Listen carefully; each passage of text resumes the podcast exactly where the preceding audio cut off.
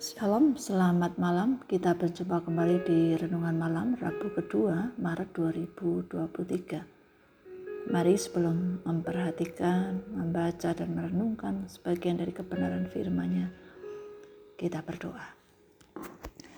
Bapa yang di surga, terima kasih untuk kasih setia Tuhan yang sudah memampukan kami menjalani kehidupan sepanjang hari ini. Kami menyadari Tuhan bahwa hidup kami memerlukan Tuhan memerlukan pimpinan, pertolongan Tuhan. Dan yang kami tahu Tuhan, hanya firman-Mu yang membawa kami menjalani hidup ini dengan benar. Berbicara ya Tuhan, kami siap untuk mendengar. Dalam nama Tuhan Yesus kami berdoa. Amin. Mari kita perhatikan dari kitab Injil Yohanes pasal 6 ayat 63 hingga 66. Demikian firman Tuhan. Rohlah yang memberi hidup daging sama sekali tidak berguna. Perkataan-perkataan yang kukatakan kepadamu adalah roh dan hidup. Tetapi di antaramu ada yang tidak percaya, sebab Yesus tahu dari semula siapa yang tidak percaya dan siapa yang akan menyerahkan dia. Lalu ia berkata, sebab itu telah kukatakan kepadamu, tidak ada seorang pun dapat datang kepadaku kalau Bapa tidak mengaruniakannya kepadanya. Mulai dari waktu itu banyak murid-muridnya mengundurkan diri dan tidak lagi mengikut dia. Yesus mengajarkan pada banyak orang dan murid-murid. Pada waktu itu bahwa Roh Kudus atau Roh Allah itulah yang memberikan kehidupan, bukan tubuh manusia, bukan apa pun usaha manusia yang dilakukan karena apa pun yang dikerjakan oleh manusia itu tidak dapat memberikan kehidupan. Perkataan-perkataan Yesus sulit dipahami secara harafiah. Harus dipahami secara rohani untuk kebutuhan jiwa yang Tuhan ciptakan. Daging tidak berguna secara literal tidak berguna, tidak menghasilkan apa-apa. Saat itu, ketika orang banyak datang untuk mendapatkan roti, mereka kenyang makan roti. Tetapi Yesus berkata kepada mereka, "Jangan mencari roti yang dapat binasa, tetapi yang membawa pada hidup kekal." Yesus mengingatkan bahwa daging tidak berguna karena tubuh akan mati. Tetapi perkataan Yesus memberikan kehidupan jiwa yang mati dalam dosa. Perkataan Yesus bersifat rohani, memanggil kita untuk datang mencari Dia.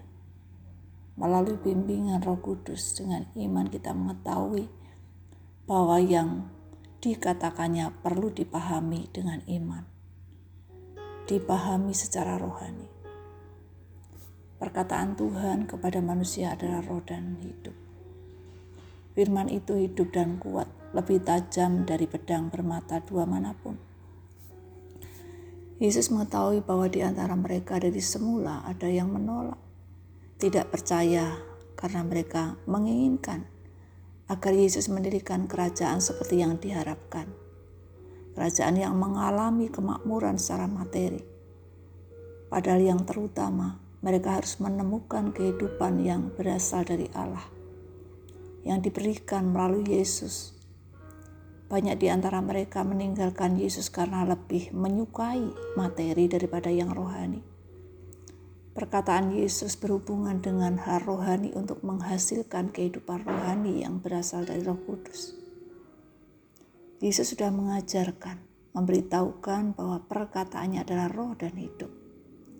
Hal ini menunjukkan bahwa dialah yang memberi kita hidup, yang memberi kekuatan untuk menjalani hidup, mewujudkan tujuan yang Tuhan tetapkan. Tuhan datang untuk memberikan hidup yang kekal di tengah-tengah dunia yang sementara.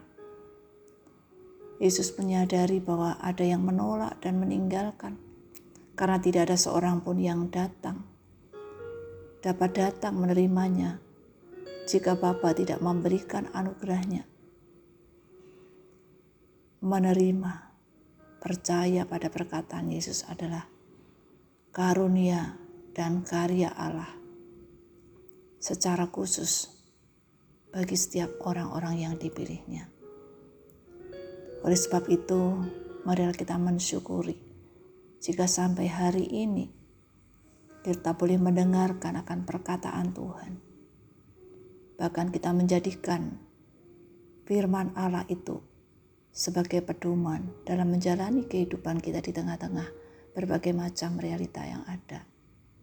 Dengan perkataan Tuhan, kita dihiburkan, dikuatkan, bahkan kita mengetahui dengan pasti bahwa kita telah menerima kehidupan kekal di dalam Kristus.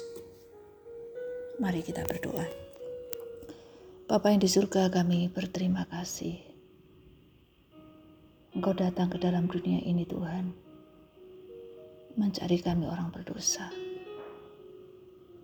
Dengan macam-macam cara engkau berbicara sebagai wujud kasihmu kepada kami. Melalui firmanmu Tuhan. Melalui perkataan Tuhan kami merasakan bagaimana Engkau menuntun perjalanan hidup kami. Bagaimana Engkau senantiasa menyertai kami. Oleh sebab itu Tuhan, Engkau berkenan memberikan setiap kami kerendahan hati untuk menerima, meyakini, mensyukuri apa yang Tuhan katakan dengan menyadari bahwa semuanya itu baik untuk kami. Terima kasih Bapak.